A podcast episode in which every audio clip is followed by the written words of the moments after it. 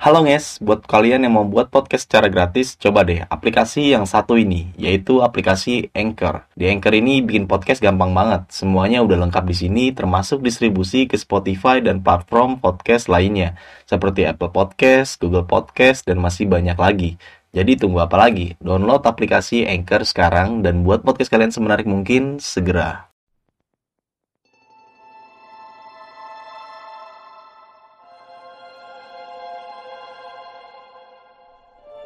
Nanti pas maghrib langsung pada masuk tenda jangan ada yang keluar tenda karena pelet mau turun. Kalian lancang. Mereka nggak berani deket. Dia cuma bilang kayak gini itu yang jagain masnya ntar juga hilang sendiri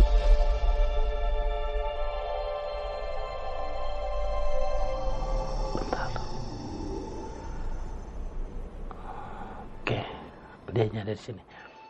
Itu muntah tapi muntah muntah darah bang. Sakosnya kecil. Anak Belanda. Oke. rambutnya segini nih. Jadi kayak Bob mangkok gitu. Ah. tapi sini bolong.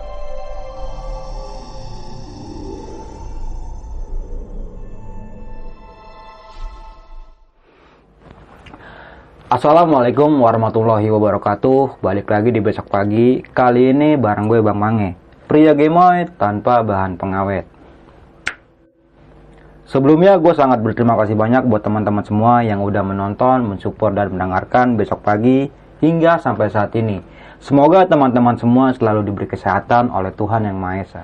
Masih dengan tema yang sama, nggak jauh-jauh nih dari dunia pendakian. Dan di malam ini gue masih mendatangkan narasumber nih. Dan narasumber gue kali ini pernah menceritakan pengalamannya ketika pendakiannya di Gunung Slamet nih pada tahun 2021. Yuk langsung aja kita sapa narasumber kita pada malam kali ini. Selamat malam Bang Ian. malam bang Apa kabar nih Bang? alhamdulillah baik Sehat ya masih ya? Sehat, Ya, masih kuat ya. Dan di segmen kali ini Abang Ian pengen menceritakan pengalaman di mana nih Bang? pendakian Gunung Cermai via Apuy Pada tahun berapa Bang kalau boleh tahu? Tahun 2020 Oh baru tahun-tahun kemarin ya. iya Bisa dikasih sedikit cerita nggak nih ketika pendakian lu di Gunung Cermai pada saat itu? kisi-kisinya puncaknya mungkin ketemu Nyi Pelet oh di pos 5 Kita skip dulu. Oke, gokil nih kayaknya. Bagi teman-teman semua yang belum subscribe, silahkan di subscribe terlebih dahulu, like, comment, and share. Jangan lupa nyalain loncengnya agar teman-teman semua nggak ketinggalan video terbaru dari besok pagi. Dan berulang-ulang kali gue mengingatkan buat teman-teman semua, bahwa saja cerita yang mau diangkat Bang Ian pada malam kali ini bukan ingin menakuti teman-teman semua, tapi tetap ambil sisi positifnya dan buang jauh buruknya. Mau nggak mau, suka nggak suka, bahwa hal gaib itu ada di sekitar kita. Tanpa berlama-lama lagi, langsung aja kita masuk ke ceritanya.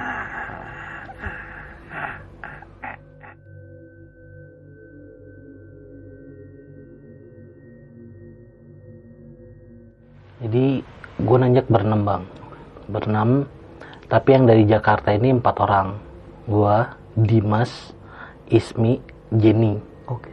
itu ketemuan di terminal Kampung Rambutan dua orang lagi itu dia da- udah dari Jawa dari jadi ketemuannya nanti di base camp Apuy dari awal keberangkatan udah gokil sih karena datang nih subuh subuh tuh nggak dapat bisnya udah berangkat katanya baru aja berangkat. Bis yang mau ke terminal Maja. Hmm. akhirnya nyari bis alternatif lain dapetlah bis yang warna kuning itulah. Hmm. Yang Bal-balan itu ngetrail ya? ya Hmm. Yang pokoknya. kalau di kita duduk di belakang bang Ujo, loncat ya. begitu ya. Dan itu pas banget bang gue dapet di Di belakang juga? paling belakang karena kata Dimas udah di belakang aja biar ngontrol si carriernya gampang takutnya kan ya kita berpikir negatif logikanya sih kalau gue gini bang orang mau ngambil apaan dari pendaki ya kan isinya paling Indomie ya kan tapi ya udah turut aja jadi di paling belakang kesepakatan awal dari kampung rambutan itu sama si keneknya ini ya. Dan supirnya dianterin bang sampai terminal Maja. Nyatanya kagak. Udah ugal-ugalan lah di situ gue berdoa lah sepanjang jalan setiap gajlukan mental terus kan berempat-empat. Dan nyampe di daerah eh, sana kalau Majalengka itu belum nyampe terminal Majanya gue diturunin di perempatan lampu merah bang. Udah kayak pengamen dah waktu gue udah turun turun turun nyampe sini. Soalnya kita nggak ke terminal Maja kita jalurnya sini. Turunin lah di situ. Maka kata ya udah istirahat dulu. Disamperin kan sama orang-orang angkot di sana kan lebih kayak ini modelnya Kalau- mobil elf gitu. Ya langsung ayo ayo di ini nembak harga dah tuh. Kita udah komunikasi nih sama orang yang jemput harusnya di terminal Maja. Kata dia bang kalau dijemput di sana kejauhan. Abang charter mobil aja lagi murah kok cuma 15.000 ribu. Sedangkan si sopir ini maunya 25.000 ribu satu orang. Gitu. Break dulu makan siang lah bisa dibilang.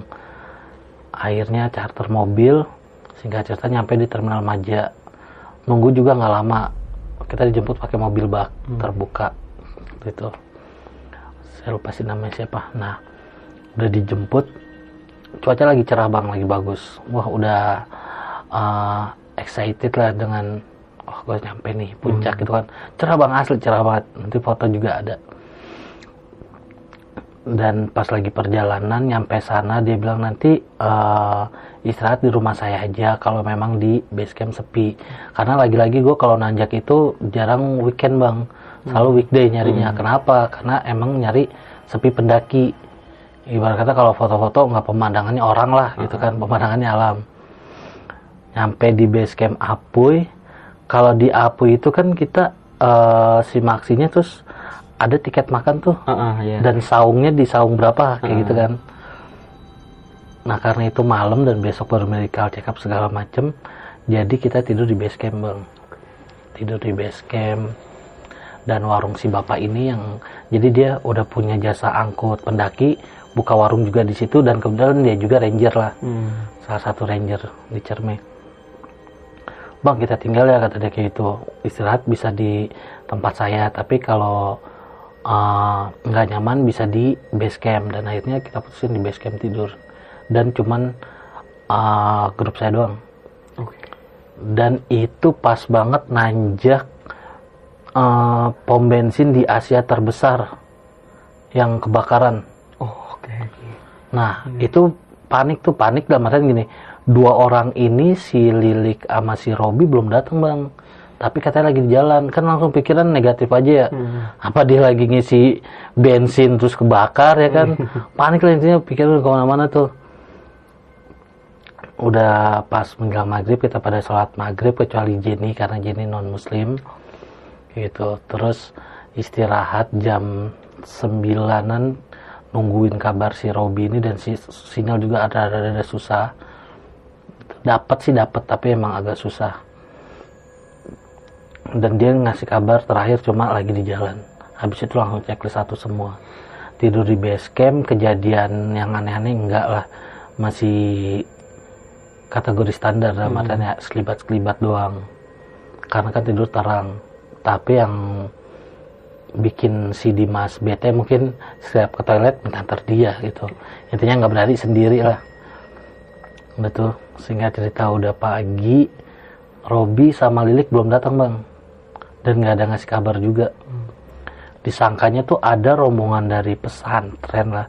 Nah ini mereka juga masuk ke cerita kita karena ikut bantu Ian lah si rombongan pesantren ini. Ternyata bukan bukan itu bukan rombongan kita gitu kan. Rombongan kita cuma dua orang. Sampai udah tes kesehatan udah semaksi itu masih belum datang pas kita udah bentar lagi sekitar 10 sampai 15 menit mau start nanjak mereka datang dan ngabarin gue udah ada di sini. Ya udahlah akhirnya ketemu Robi sama Lilik sarapan dulu. Nah pas sarapan sebenarnya ada eh, peraturan tak tertulis juga kalau di Cermevi Apu itu yang kalau pas masuk gerbang pendakian katanya beri salam dan menghentakkan kaki tiga kali tuh. Oke. ya tapi Ian nggak lakuin. Kalau Ian mikirnya ya gue mau doa aja cukup gitu kan minta pertolongan sama Allah gitu. Cuma di situ emang di pendakian Cerme ini Ian yang salah posisinya. Nanjaklah kita udah berenam nih. Udah di packing ulang lah pembagiannya tuh sama si Dimas. Pas baru jalan yang paling gendut biasalah Ian sendiri. Hmm. saya kurus semua tuh. Cuma Ian ngerasa nggak nyaman nih sama carrier bang. Gak nyaman kok berat banget gitu. Berat banget. Ini kayaknya Dimas uh, over dah. Hmm. gitu. Kapasitasnya over dia tetap memaksain sampai ngomong udah kesel Ian juga ngomong gini Dim lu kayaknya nih kebanyakan dan di gua. Enggak kok. Itu udah standar gitu. Emang lu nggak mau bawa yang kayak gimana? gitu. Ya ini gue berat banget gitu. Itu udah standar kata dia tetap kayak gitu. Jalan berhenti di pos 1 nah karena di situ yang paling lambat Ian si Dimas sama Jenny masih ngertiin tapi yang paling kurus banget kan ada Ismi, Robi sama kan Hmm. yang cepet banget jalannya di pos 1 akhirnya kita bagi dua tim Oke. eh tim yang kurus-kurus nih duluan tim satu Ismi, Lilik sama Robi Hmm. tim keduanya Ian, Jenny sama Dimas terus Dimas sama Ian udah ngomong ini kan eh, tenda dibagi dua nih. Dia bawa yang tenda punya Ian lah kapasitas dua orang. Ian bilang kayak gini kalau capek diriin tenda aja dulu nanti. Nanti kan. Muat lah kalau lu kecil-kecil muat kok masuk tenda itu bertiga kayak gitu. Si Dimas juga udah bilang jam 12 pokoknya berhenti mau nyampe di pos mana berhenti kita makan siang. Karena di rombongan Ian ini ada cemilan di rombongan yang pertama logistik. Hmm. tuh jadi cuma bawa di Ian itu ciki sama biskuit. Snack gitu ya. iya. Hmm. air pun ala kadarnya lebih banyak di tim yang pertama.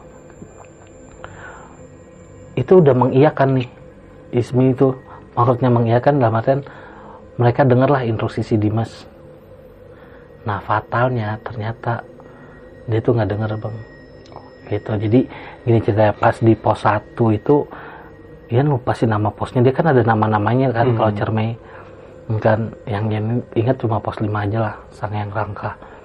Yang di pos 1 udah ngeliat Jenny juga ngeliat. Jadi kayak pas dari pos 1 mau lanjut ke track pos 2 kan ada gerbang lagi gitu tuh. Hmm. pendopo-pendopoan yang dari kai, eh, gapura-gapuraan lah. Nah itu udah ngeliat tuh sosok. Jenny juga ngeliat tapi diem aja kayak yaudah kita mau nanjak nggak usah bahas kayak gini dulu. Jalan pas trekking ke pos 2 itu ada kejadian unik di mana kupu-kupu kecil-kecil banget bang warna putih. Itu mungkin ada ratusan kali ya. Itu ngikutin kita dan muterin si Jenny nanti juga videonya yang kirim. Hmm. itu si Jenny tuh berpose layaknya kayak peri atau ratu lah karena dia dikelilingin sama si ini kupu-kupu. Tapi kalau di on cam cuma kelihatan sedikit. Oke. gitu nggak kelihatan semua. Aslinya tuh banyak ya bang. Gitu nah terus udah nih ketemu hal kayak gitu. Sama diikutin burung. Nah, biasanya kalau kata orang kan mitosnya kalau diikutin burung itu dituntun lah kita Hmm.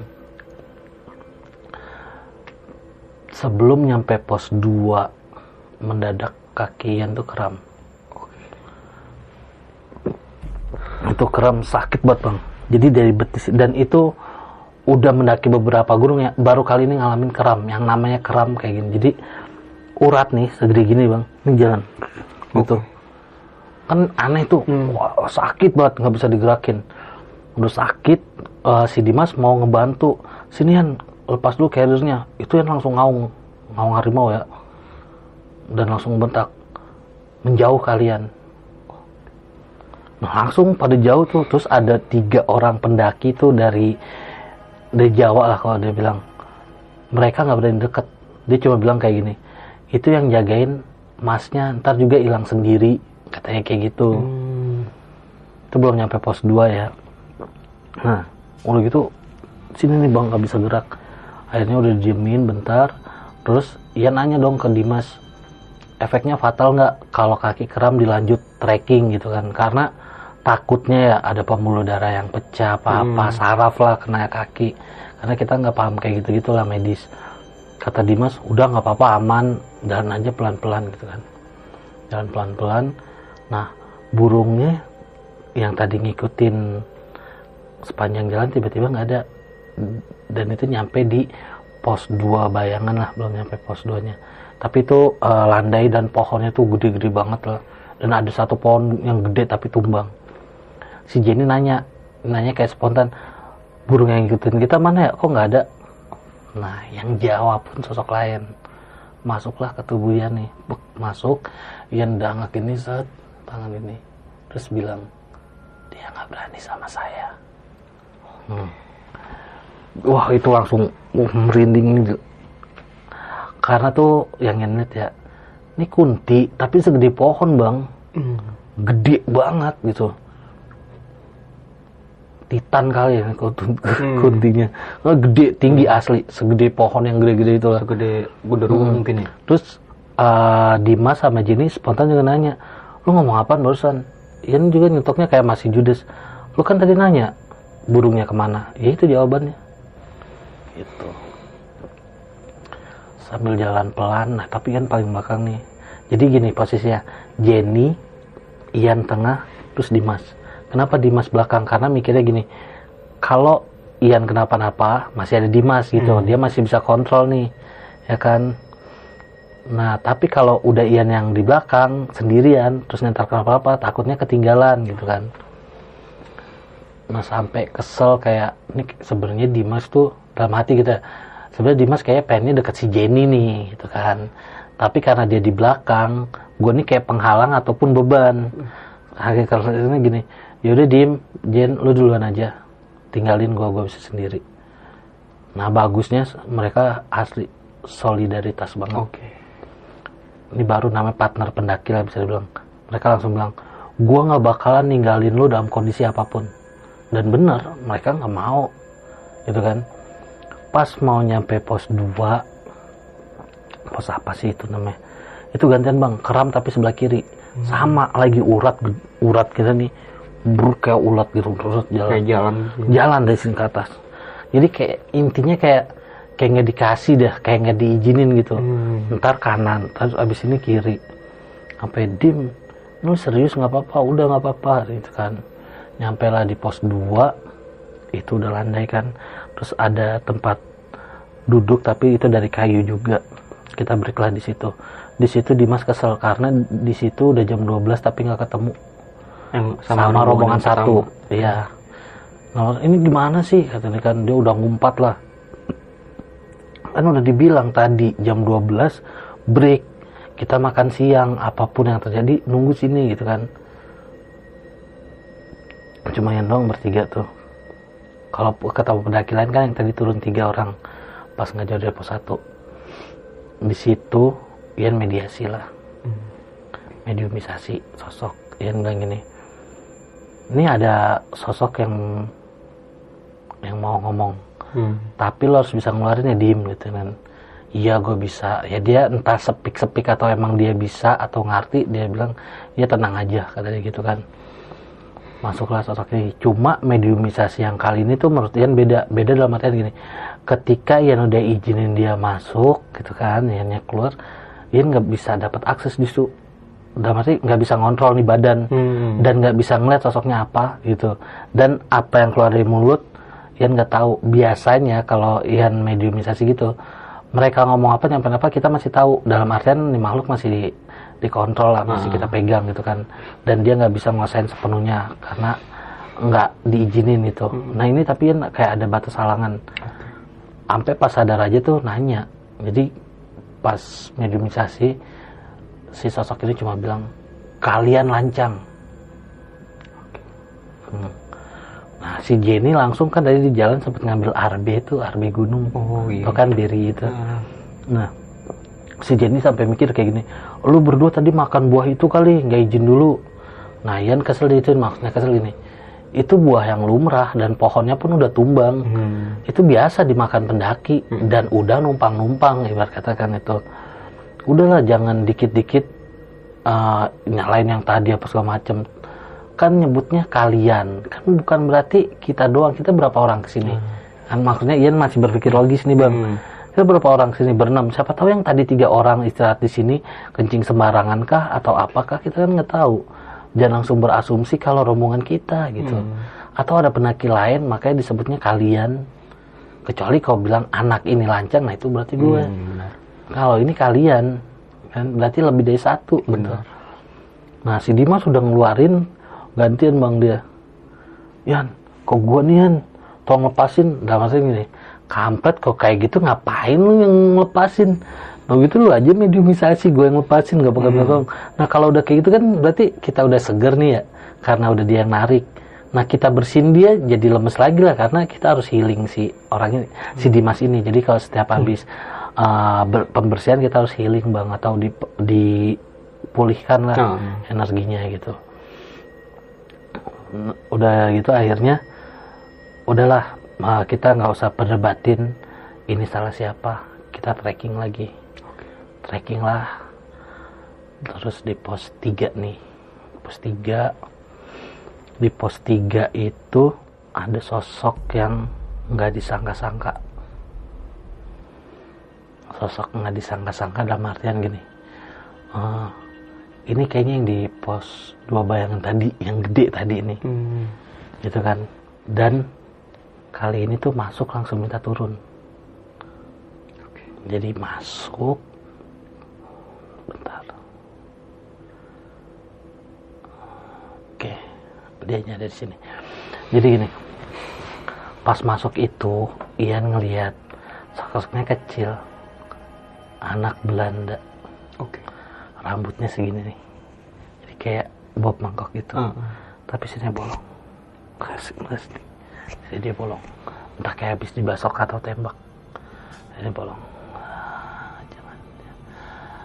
Oke. Dia kayak mau masuk cuma ya jangan, jangan gitu. Eh, dia langsung ini dia nangis bang. Ya. Nangis turun turun gitu aku mau turun. Jadi dia tuh nggak bisa naik dan kayak nggak dibolehin. Dia ribut mau turun. Dan ini cuma not notice aja ya. Dimas itu tingginya hampir 2 meter loh. Dan dia anak pelayaran. Mm-mm. itu nangis bang kayak anak kecil kekejek gini. Ini apa lagi sih? Ya Allah gue capek gitu. Gue nggak bisa kalau kayak gini terus.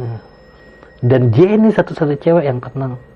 Dan maksudnya gini Ian lagi dimasukin ya kan? Sosok Belanda nih si Dimas mendadak kayak anak kecil rengek yang bener-bener deplok di tanah langsung ke kejek Mm-mm. bilang nggak kuat gitu kan Jenny baca Alkitab doanya dia ada tuh Mm-mm. dalam hati gini mempan kayak si doang gitu. Wah, lu baca tuh bang doa. Tapi ya salutnya sama Jenny kayak gitu. Di saat dua laki-laki yang satu gede, yang satu bongsor tinggi, cewek yang tenang. Jenny tuh nenangin kita. Hmm. Udah, udah lebih tepatnya nenangin si Dimas dulu lah karena konteksnya di sini Dimas dalam kondisi sadar. Walaupun dia kecapean dan ngerengek Kayak anak kecil gitu ya. Ah, ah. dan sosok Ian tuh yang rengek minta turun, udah turun. Terus baru masuk yang gedenya, peng. Kalian turun sekarang atau kalian saya teror habis-habisan. Maksudnya pas malam. Hmm. Dimas langsung tuh pas udah udah Ian udah sadar nih ya, Dimas langsung. Udah yuk kita turun kalau kayak gini, nggak bisa.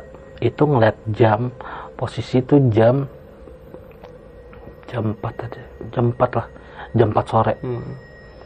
Terus Ian masih ngomong logika. Sebentar Dim.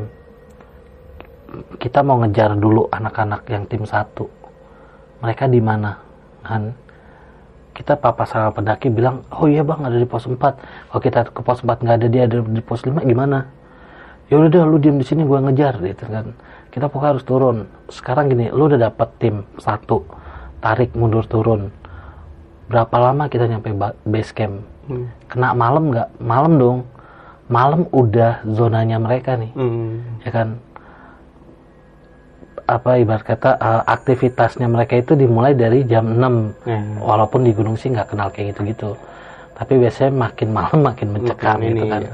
maksudnya jangan terkecoh sama kata-kata tersebut siapa tahu mau ngejebak kita ya kan? Kalau kita turutin nih terus bek turun kena malam apa yang terjadi? Ya ini gue yang dihantem counter tim yang pertama ya kan? Ini kita bawa cewek nih dua gitu kan si Jenny sama si Ismi ini. Dia langsung mikir oh iya udahlah kita positif tinggi aja kita lanjut naik. Nah akhirnya nyampe di pos 4 pos 4 itu landai banget luas ya luas banget. Terus Ian udah lihat gini dim masih diikutin. Satu dari pohon belakang nih pohon belakang satu lagi di sono. Udah ngawasin dari jauh. Hmm. ini gimana? Gue udah nggak kuat gitu. Badan gue asli udah nggak kuat gitu. terus si Dimas bilang ya udah lu tunggu sini gue yang ngejar ke sana. Terus Jenny bilang ya udah gue ikut gitu. Karena mereka pun gue suruh tinggalin gue sendiri beneran gak mau bang. Lu nggak bakalan bisa nyampe puncak lu nggak bakalan bisa mendaki lah kalau gue masih sama kalian. Mending kalian duluan gue udah tinggalin. Gue bisa kok sendiri. Tapi kan mereka ngotot nggak mau kan ninggalin gue bang. Nah akhirnya di situ ketemu pendaki dari Bandung ada enam orang. Gue dititipin lah. Da- tapi Jenny tetap stay. Jadi si Dimas yang ke sana jemput tim pertama karena udah dapet informasi kan pendaki rame tapi pada turun. Mm-mm. ramenya dulu pada turun. Nah yang Bandung ini enam orang ada yang gue lihat pakai batu akik bang. Gue pikir wah ngerti kali ini ya. Bukan cuma sembarang. Hmm. soalnya tuh batu ada energinya gitu kan. Terus gue tanya bang batunya bagus kan oh iya ini dari kakek. Bisa nanganin orang ketempelan nggak? Langsung tuh gue tembak gitu bang. Wah emang siapa yang ketempelan? Gue bang gue ada yang ngikutin gitu. Tolong dong bang bisa nggak? Terus kata dia wah kok kayak gitu? Aku nggak ngerti. Gitu kan. Oh ya udah nggak apa-apa. Nah udah nggak apa-apa nih. Udah dimasakin bang sama dia. Dibikinin eh, susu jahe kasih roti. Tuh, karena yang tadi gue bilang bang gue Jenny Dimas itu cuma ada bawanya snack gitu kan dan udah habis. Di pos 2 di pos 4 udah disuplai sama pendaki yang turun udah sambil ngobrol-ngobrol terus mereka turun mereka turun. Dimas kan belum turun nih. Nah terus ada rombongan lagi. Nah ternyata si rombongan yang turun ini mungkin dari pos 5 kali ya. Dia udah tahu bang tentang gue Hmm. terus dia langsung nyaranin dia bawa HT si yang koordinatornya dia atau leadernya lah. Dia ngasih tahu bang mending lu turun bang gitu kesian teman-teman lu nanti. Ya lu paham kayak gini. Temen lu gimana? Turun bareng kita gitu tapi tetap kan itu dari pos 4 waktu makin mepet ini udah mau jam 5 nih gitu kan. Beneran kena malam yang ada ntar satu tim bubar yang ada gitu kan. Apalagi takutnya mereka juga rombongan banyak cewek bang. Takutnya satu ketempelan merembet apa Hmm. semuanya. Terus mereka turun gua nggak jadi turun tuh masuklah sosok yang tadi udah nunggu-nunggu mungkin nunggu sepi. Masuk gua langsung nyakarin pohon yang udah tumbang tapi udah lapuk bang. Tuh gua cakarin gitu. Untungnya tuh udah kayu lapuk ya jadi tuh ya terlalu nggak apa-apa ya. dan emang pas udah kelar pun nggak berasa tuh. Nakarin nah ternyata lari tuh si Robi sama Lilik. Nah yang tim pertama. Mereka nggak pakai sendal bang. Lari saking paniknya lu yang kenapa? Terus muntah tuh di situ muntah. Tapi nggak keluar apa-apa. Cuma kayak angin muntah gitu bang. ah, jadi yang tadi gue makan gue minum tuh nggak keluar bang. Oke. kan itu yang paling nggak enak justru muntah tapi nggak keluar apa-apa gitu. Udah ditenangin sama si Robi dia baca ayat-ayat lah segala macam sedikit paham mungkin. Udah ya nggak apa-apa nggak apa udah lu nggak usah pakai jaket. Jaket lu udah basah semua nih sama keringat. Tas udah silik aja yang bawa jadi bawa badan doang gua bang nah pas lagi mau perjalanan pos 5 beng masuklah. Sosok yang nggak disangka-sangka lagi nih masuk. Terus turun bala bantuan tuh si Dimas bawa dua anak pesantren. Hmm. namanya Aufal sama Nabil.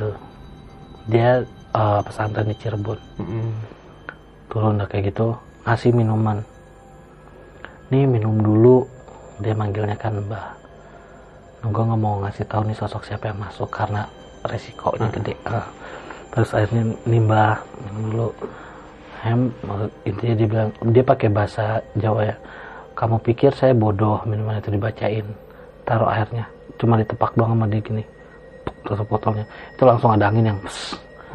teman tuh langsung pada "Sas." jadi kayak di netral sama dia bang. Hmm. dia minum dilempar lagi bacain lagi gak mempan kalian ngasih saya kayak gitu gitu. Saya minta telur yang kalian bawa. Padahal gue nggak tahu bang. Kalau orang Cirebon itu bawa telur bebek mentah. Diminta sama dia. Wah nggak ada. Terus yang ada ah, si Dimas turun airnya tapi nggak main cewek. Tapi dia bawa nasi sosis yang udah mateng lah itu ya. Sosis tuh nugget yang udah digoreng. Nih makan dulu Tin. Saya minta telur jangan sampai saya bikin busuk. Saya tahu ada di mana telurnya. Digituin bang. Padahal nih gue juga nggak tahu kan rombongan yang Cirebon ini anak pesantren ini. Dan tendanya juga ternyata jauh. Jadi si Dimas eh, jadi si Lilik Ismi sama si nah, si ini Robi tuh udah dirin tenda di pos 5 Hmm. Cerita, cerita. Nih sosok masih bandel dan kita tetap nggak mau ngasih makan ya udah cuma makan yang tadi dikasih sama si Dimas itu. Nasi nugget sama sosis. Nah gitu. Udah pergi. Masuklah. Sosok lain. Dibaca ini ayat-ayat sama si Yang ya dibenerin bang. Salah. Bukan kayak gitu bacanya. Ini yang bener. Oh ya maaf maaf. Lebih pinteran itu. Lebih beneran si makhluk ini Makhluk karena itu deh. makhluk ini tuh jatuhannya udah sepuh lah luhur lah. Oh. Masuk itu. Oh iya iya dia akhirnya iya saya lagi belajar. Siapa guru kamu? Ditanya bang guru pesantrennya. Guru saya sini. Alah dia doang gitu. Bilang sama dia dia tahu siapa saya digituin. Ini sosok yang kedua ini juga nggak bisa nyebut Hmm. karena masih eh, berpengaruh di Gunung Ciremai itu. Nyampe lah di pos 5 sang yang rangkah itu vid- apa namanya mereka udah nyiapin makanan tenda udah berdiri dan itu cerah banget bang. Cerah. Cerah. Dan eh, kan udah diperingatin ya tadi eh, yang kan di kalian akan saya teror habis-habisan gitu kan. Nah si sosok yang tadi benerin eh, ayat itu juga ngasih tahu nanti kalau habis maghrib tuh kelupaan gue nanti pas maghrib langsung pada masuk tenda jangan ada yang keluar tenda karena pelet mau turun. Dia bilang gitu nah udah. Kalau gue sih pas mereka pada makan dan preparean gue langsung ini sorry gue nggak bisa bantuin gue lemes banget gue mau langsung masuk tenda. Gue tidur tuh bang. Tidur. Yang gue ingat gue bangun jam 10 tapi kalau kata anak-anak jam 8 malam tuh gue bangun bangun terus langsung bek terus langsung nari gini. Oke. Jepongan tuh. Nyindir nih ya. iya. Dan itu yang itu jadi satu tim ngeliat kan tendanya dibikin gini madep-madepan kan Hmm.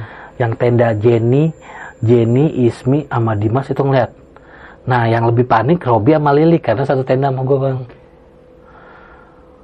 Hmm, tapi gue nggak sadar bang kalau gue kayak gitu mereka yang gue dapet cerita kayak gini pun dari mereka Hmm. gitu katanya nari terus tiba-tiba langsung bek. mereka cuma takut dan gak ada yang berani ngomong nah kalau gue jam 10 bangun gue ngeliat emang ada yang jepong tapi di luar. Hmm. jadi nggak nepak gitu bang. Set sambil nari sambil set gitu loh. Sambil ngelilingin ya tenda. Kan kalau kita dari dalam tenda kelihatan kan siluet bayangan? Kayak gitu. Kalau si Robi menurut Robi dia kan denger ada suara dek gitu loh. Dia center tuh semak-semak. Atau dia ngeliat pocong. Gitu. Nah yang bikin gokil lagi nih. Gue bangun jam 10 udah ngeliat yang sosok hipongan lewat. Gue nonton ini bang horor Oke. nanjak gunung gue nonton horor namanya The Tall Man. Jadi Hmm. tentang hantu eh, penunggu jalan tol lah bisa dibilang. Dan ini lebih ke psikopat gitu ada pembunuhan juga. Hmm. gue nonton itu bang bertiga tiga. Dalam kondisi mencekam. Hmm. sempat sempatnya gue nonton horor dalam kondisi horor kalau bisa dibilang itu badai bang gue kena badai. Dan itu berlangsung sampai jam 11 siang. Oke. jadi gue nggak bisa samit gue di diberhentiin di eh, pos 5 sang yang rangka. Jadi eh, yang di tenda di situ tim gue kan dua tenda. Sebelah sana anak pesantren nih. Aufal Nabil satu lagi gue lupa nam- namanya. Nah satu lagi ada yang sebelah sana mau ke arah tanjakan buat tanjak trek lah si Jenny sama Dimas tuh modal pada betah-betah banget. Udah modal sekali. Balik ntar modal lagi ganti-gantian. Oh, anjir di gunung bisa loh maksudnya kalau sekali mungkin wajar ya bang. Dua kali. Gara-gara makan sambal kali bang itu. Tahu. Jadi sakit perut gitu. nanti ada tuh rekamannya gue pas lagi kena badai si Dimas kan ngerekam pakai GoPro-nya. Hmm, terus gue bilang udah kita nggak bisa nanjak nih nggak bisa summit karena si Robi sama Lilik yang udah sering nanjak ke Cerme bilang kalau kondisi panas aja itu terjal gitu. Di atas itu bebatuan itu licin apalagi hujan gitu kan. Nah si Dimas ini karena ngeliat katanya ngeliat cewek cantik gitu dan nyuruh ke goalet dia ngotot bang pokoknya gimana pun caranya kita harus naik. Gue pengen ke Goa Walet sedangkan dari Goa Walet ke puncak kan dekat. Menurut gue daripada udah nerjang badai cuma nyampe Goa Walet buat apaan? Nanggungnya. nanggung mending gue puncak. Nah ternyata usut punya usut si Dimas tuh gara-gara ngeliat cewek ini. Kalau gue bilang sih dia kena ajian jalan goyangnya lah si Nyipelet. Karena dia doang ngeliat si cewek itu. Dimas doang. Hmm. yang lain enggak. Ngotot tuh sampai ya walaupun nggak kesampean gue pokoknya tarik mundur. Akhirnya jadi ditambah sama rombongan uh, si anak pesantren. Jadi gue turun bersembilan bang. Hmm. bersembilan. Gagal muncak. Itu pun gue uh, packing dalam kondisi gerimis. Mau nggak mau suka nggak suka ya dalam kondisi gerimis. Itu gue packing tuh basah-basah. Dan bener-bener tadinya yang gue bilang pas kemarin ya baru nyampe cerah maghrib gelap sampai jam 11 siang udah ganti hari kan berarti kan hujan nggak berhenti berhenti tuh. Di pos 5 pun cuman ngabisin logistik namanya gagal puncak mau ngapain nggak lagi? mau, Makan-makan aja udah makan makan gitu aja di situ. Ya. Iya. nah yang gokilnya sama kayak tadi. Tas gue nggak berkurang sama sekali beratnya bang. Sama sama yang sama gitu. nah pas turun gue nih masih kepikiran kenapa sih rombongan gue ini diteror gitu kan ini ada yang nggak beres pasti gitu kan nah pas gue nyampe base camp Apoy ranger sama yang lainnya gimana bang jadi cerita gue udah nyampe di base camp padahal gue masih trekking turun bang Oke. Karena jadi kan- estafet gitu ya. Iya, yang tadi ketemu-ketemu tuh paling nyerahin tuh, tuh ada yang kesurupan tuh. jangan. Hmm. Jadi justru gua, cerita gue udah viral di base camp, guanya belum nyampe base camp. Nyampe sana kayak disambut. Bang nggak tampan apa bang? Ya kan bingung sendiri. Gila, nih orang pada baik-baik banget. Kenapa? Nyata pada ngomong. Katanya lu ini bang kemasukan, lu diteror. Oh, udahlah kalau lihat tahu mah gitu kan. Gue pulang tuh eh, hari itu juga jam 4 udah perjalanan ke terminal Maja Ngeji- ngejar bis karena bisnya adanya maghrib dan yang pulang itu Jenny Ismi sama Dimas gue main dulu ke tempatnya Robi. Hmm. di Jatibarang nah kan dianterin sama si mobil bak terbuka tadi tuh bang yang jemput. Gue duduk depan lah jadi pulang pergi gue duduk depan. Gue tuh mikir terus gue megang kalung gue gini. Mikir gini kok kenapa ya gue diteror gitu kan? Apa nih salah tim gue kayak gitu. Terus nanya juga sama si bapak itu kan dia ranger kenapa ya kang kok saya udah nanti juga tahu jawabannya terus pas gue ngetek astagfirullahaladzim jangan-jangan gara-gara kalungin terus nanya tuh Hmm. Kang, apa gara-gara kalung saya? Itu ah, tahu. Jadi berkata, gue nanya gunung tuh bawa preman bang. Hmm. Nah di sana ada premannya lagi, Nah, iya, bentrok iya. lah udah. Makanya tadi sempat ke yang masuk macan kan. Hmm. Nah itu katanya itu punya abangnya gitu. Yang di sana yang tadi sebutin toko-toko Hmm. itu. Tuh. Jadi ah, nanti ini gue sebutin tapi nanti disensor aja ya bang. Nyi Pelet emang udah terkenal. Dan pas uh, mendung pun emang gue ngeliat naga hitam. Jadi jelmaan dia dia kan bisa berubah jadi naga hitam. Gitu. Karena naga hitam itu dulu pasangannya si Uni Pelet inilah. Pas gue udah mikir kayak gitu tapi ini aman ya Kang? Aman kata dia kayak gitu. Mudah-mudahan tapi kata dia gitu kan gue main ke Jatibarang gue masih tanya-tanya kalian semua uh, oke gitu kan?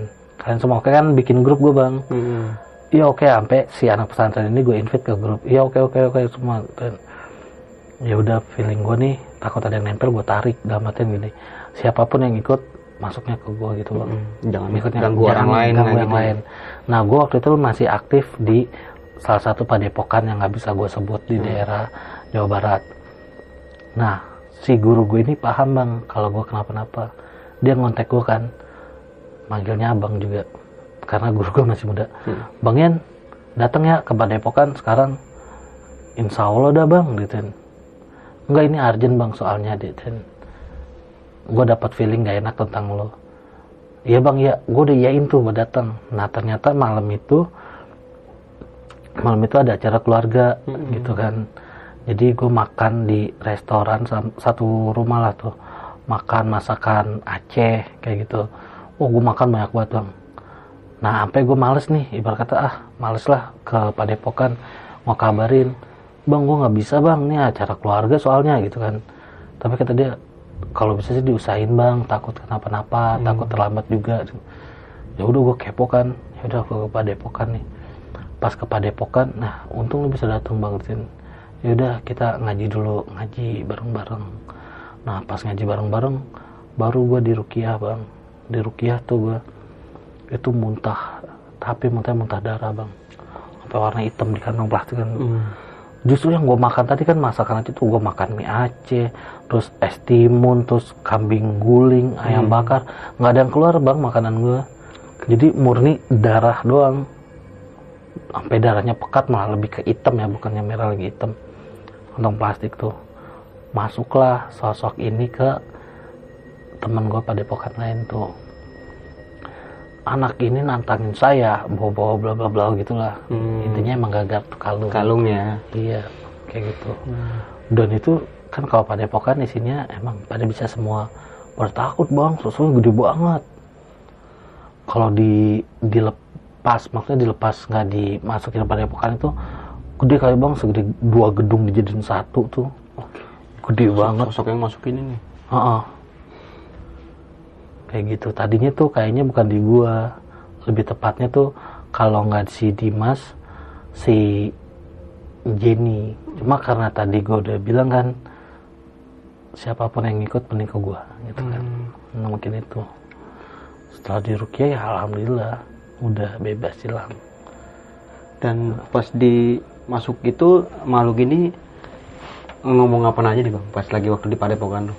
Dia cuma lebih banyak kurang ajar lah gitu. Ya mungkin pertama kayak gua nggak bisa salam gitu kan gue doa sih doa bang tapi pas di base camp gitu kan doa bareng-bareng lah kalau kita sebelum mendaki mungkin yang peraturan tak kasat mata peraturan nggak tertulis itu emang harusnya kudu wajib gitu kan. Hmm. jadi kalau dari base camp apa itu mau trekking ada lagi bang kayak gapura gitu dari bambu. Nah harusnya startnya di situ. Beri salam terus Dan hentakan kaki tiga ya? eh, tiga kali. Terus kayak gitu. Nah tadi yang gue ceritain sempet miss di pos dua mereka nggak break. Ternyata Ismi, Robi sama si Lilik itu nggak dengar kalau Dimas ngomong nyuruh break mereka bertiga doang loh yang denger padahal gue Jenny denger Kayak ditutupin mungkin. Iya. pendengarnya kayak ditutupin kayak gitu tadi juga gue kirim bang videonya kalau banyak kok gue dengerin murotal Dan yang pasti teman-teman semua nih harus tahu nih bahwa saja Bang Yan ini uh, mempunyai se- uh, kelebihan lah Bang ya. Atau Iya, lemah bisa lah. dibilang bisa melihat dan merasakan, bisa masukin dan ngeluarin lagi tentunya Bang ya. Bisa ya. Oke Bang nih, gokil banget sih. Dan yang terpenting dalam sebuah perjalanan lu bisa kembali ke rumah dengan selamat semuanya. iya betul. Itu yang paling penting. Tadi yang pas tempat kita mau uh, tag itu ada yang datang Bang dari ini. ada yang datang dari Cerme yang sosok anak kecil dia datang katanya pengen masuk. Aku aja yang Yang ceritain cerita gitu. soalnya jangan Jangan gitu. deh, gua nggak bisa Bang. jangan kayak gitu karena dia lagi ngasih lihat wujud yang nggak enaknya bang wujud terakhir kali dia nggak ada Oke. gitu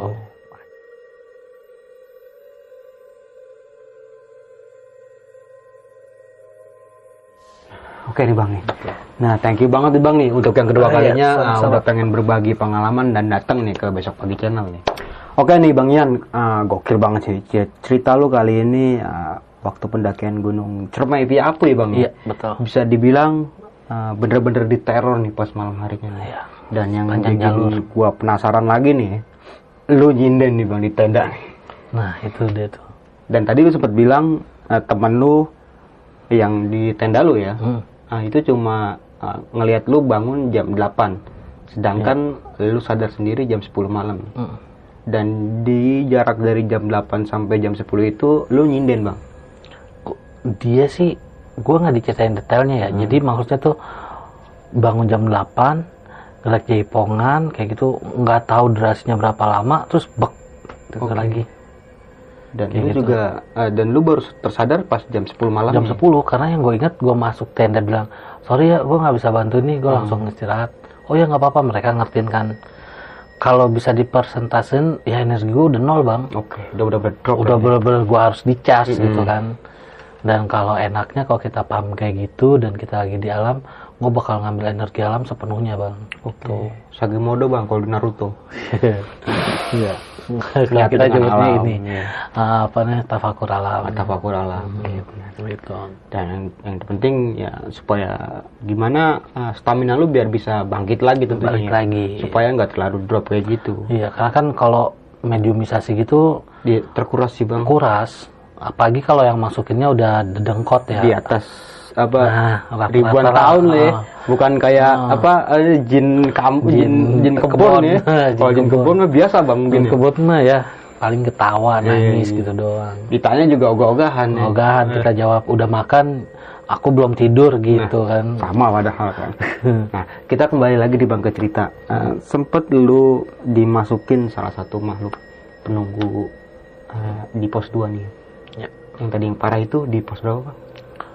Paling parah itu kalau menurut gue sih bang di pos 4 ya karena kan gue udah nyakarin pohon Oh, ini yang yang pas udah diturun pas lo tahu bahwa saja yang masukin di pos 4 ini eh, penjaga lu ya, Bang. Iya. Bawaan lu ya. Yang dari kalung itu ya. Ya. Oke. Dan mungkin eh, makhluk-makhluk sekitar itu yang tak kasat mata tentunya ya. Iya. Mungkin merasa nggak dihargai mungkin bang. Iya, karena- Jadi bentrokan energi lah nih. Betul karena yang tadi gue bilang bang sebenarnya udah ada yang nungguin gue dua nih Oke. satu di sosok sebelah sini satu sebelah sini Hmm. tapi yang masuk malah punya gue gitu kan Oh, oke. dan ya cuma sekedar info ini kalung udah sempet gue taruh di air terjun kaki Gunung Salak selama satu purnama gitu Dan itu balik lagi bang. Mm, itu kalung dari kayu gue taruh di air tapi dia nggak ngamang bang jadi kayunya tenggelam Dan setelah makhluk yang di yang punya lu ini keluar, ada lagi nih yang masukin lu nih. Iya, Itu yang tadi yang sempat bilang. ya, Saya mau sensor keluar. Oh ya itu Ya. kan termasuk yang harus disensor tuh, karena ya ikoniknya dia. Hmm. Itu dia minta telur. Dia bisa tahu bang bahwa dua santri ini ada punya Ada telur gitu. Telur iya, telur mentah, gitu kan. Padahal gua nggak tahu bang. Orang kenal mereka aja gitu kan, karena Hmm. nolong. Dan alhamdulillahnya itu bisa keluar dengan sendirinya bang. Dan setelah itu keluar ada lagi yang masuk nih. Lagi yang benerin ayat yang benerin ayat bocah santri ngaji ini nih ya. Hmm. Oke. Emang kalau dipikir-pikir pinteran dia sih ya. Cuma tetap aja sih ah, sebagai manusia ya manusia yang sempurna ya. Iya, betul. Beda, jangan sampai Karena kalah kita sama- dikasih akal. Ah, ah, jangan sampai kalah sama makhluk-makhluk yang kayak gitu. Betul. Makanya gue bilang kayak misalnya kita kesurupan, mau minta apa, mau minta apa. Itu sebenarnya kayak kita ngempanin dia, Bang. Betul. Seakan-akan kita kalah kalau kayak gitu ya. Iya. Dan jangan diturutin harus. Jangan diturutin buat dia. Gue minta kopi, ya enak aja lu. Gue aja belum ngopi. Ya bener kan? Ya, Bang. bener gitu ya. Bener gitu. Nah, dan epicnya lagi di bang nih, pas di malam harinya dan ternyata uh, atau uh, omongan yang di pos 2 ini malam ini kalian akan Kami teror habis-habisan. habis-habisan dan Ya ternyata benar. bener kesampaian bener, ya. bener aja tuh dinding. Bener. Ada tuh lagi tuh. Temen lu juga ah, bukan cuma lu aja yang lihat, ya, temen lu juga banyak yang lihat kayak orang nyari nari gitu di luar Iya. Dan tadi sempat di Dimas ini ngedengar salah satu suara kedebuk gitu ya. Oh, Robi, Robi. Oh itu Robi. Yang lihat pocong. Ah. Oke. Yang di center tuh kan Hmm. di semak-semak tuh apaan suara dek gitu doang sekali, Bang. Oke. Dan ya nongol.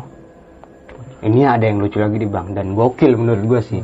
Di saat lu lagi mediumisasi ya, Hmm. dan si Dimas juga posisinya lagi dimasukin juga nih. Enggak sebenarnya, dia cuma capek, Bang. Oh cuma Karena capek. sepanjang trek kan diteror nih. Hmm. Di dia capek akan hal itu.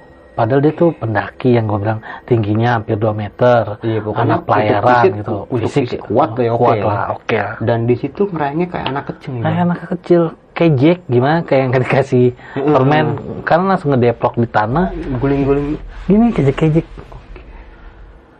Dan di sini Jenny sempat ngebaca Alkitabnya dia. Iya, kitab-kitabnya dia lah.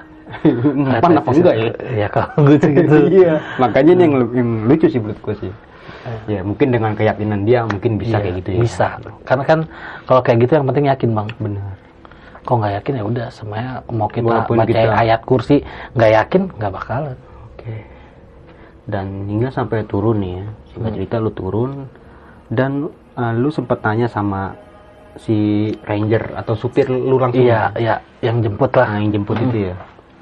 Iya bener. Akhirnya lu tahu bahwa saja yang Kesalahannya itu apa? kesalahan itu gitu. apa? Kesalahan itu kenapa lu bisa diteror nih sama teman-teman lu? iya. Karena secara nggak langsung lu bawa Jimat. uh, Bisa bukan dibilang bukan jimat sebenarnya sih. sih bukan jimat. Nah, penjaga lu lah ya. Kalung yang ada isinya. Iya, sama aja bohong bang. ya intinya, ya penjaga buat Intinya gitu. ya. Nah, akhirnya singkat cerita lu sampai Padepokan nih. Mm-mm. Dan untungnya lu datang nih. Datang untungnya buat di cleansing atau dibersihin.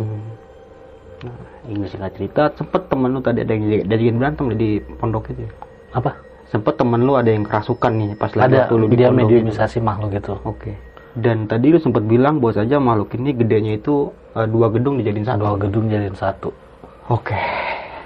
Berapa Kalau udah itu tahu, kalau udah yang pernah melihat merasai ide ya itu tingginya segitu. segitu. Hah. Cuma dia dua kali lipat ya tuh badannya. Nah tadi juga sempat bilang pas setelah lu dirukia gitu Hmm. sempat ngeluarin darah. Iya. Kentalnya kayak hitam. Mm-mm. Nah, habis pikir lagi. Emang kuat sih bang kalau makhluk-makhluk gunung tuh ya nggak bisa main-main lah itu ya. Dan ah, bener banget sih emang intinya satu sih ketika kita ke mana pun itu Mm-mm. sopannya. Iya, Sopan, tata santun, krama. dan Mm. ngikutin peraturan apa yang udah Iya. ada nih di situ gitu. Kan istilahnya kan di mana bumi dipijak, di situlah langit dijunjung. Ya, bener banget bang.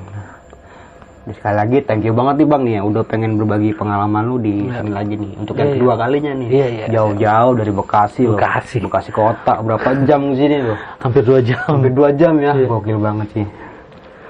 Udah jam berapa sih nih? Wah udah Jam udah larut malam bang udah udah jam-jam setengah satu nih ya.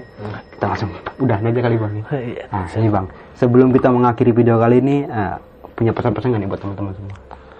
ya gitu mungkin pesannya ya jangan sompral di tempat orang. Atau kalau buat yang hobinya mendaki gitu ya. Gue juga percaya sih dengan kata gini. Kalau kita hobi ngedaki itu sama aja kita tekan kontrak mati bang. Nah benar. tapi kita nggak tahu bakal mati di gunung mana dan dengan cara apa. Karena setiap gunung medannya lain-lain.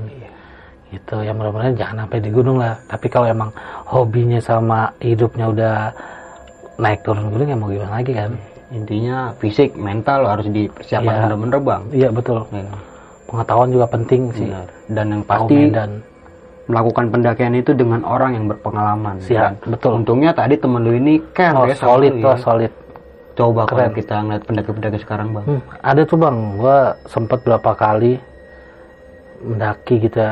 Salah satunya di Pangrango, ditinggalin bang, Udah banyak banget bang. ditinggalin sendirian. Masalahnya ini kaki berdarah, handphonenya dipinjem buat foto di puncak, orangnya ditinggalin. Ih, gila itu bener-bener tuh. Jangan dicontoh nih bang kayak Nah gitu. iya, yang penting kalau intinya nanjak ya itu sama partner yang tepat, Hmm. tahu baik Tahu buruknya medannya, kita, Iya ah, tahu medan, tahu baik buruknya kita biar dia suka maklumin kalau kita lagi apa-apa. Kalau yang baru kenal kan ya udah lu mau mati kayak gue Iya. juga baru kenal gitu. Lu siapa emang? Iya lu siapa gitu. Nah, sedikit gue mau menambahkan ya di sini bahwa saja attitude dan sopan santun itu perlu banget dijaga nih teman-teman semua. Enggak cuma di gunung aja nih, di kantor, di tempat kerja, di kampus, di mana pun teman-teman semua berada minimal banget itu dua sopan sama santun. Oke mungkin itu aja pembahasan gue kali ini bersama Bang Ian. Semoga teman-teman semua bisa mengambil sisi positifnya dan berkali-kali ini bukan menakuti teman-teman semua. Mungkin itu aja dari gua Bang Mange dan juga Bang Ian. Sampai jumpa di video-video selanjutnya. Wassalamualaikum warahmatullahi wabarakatuh.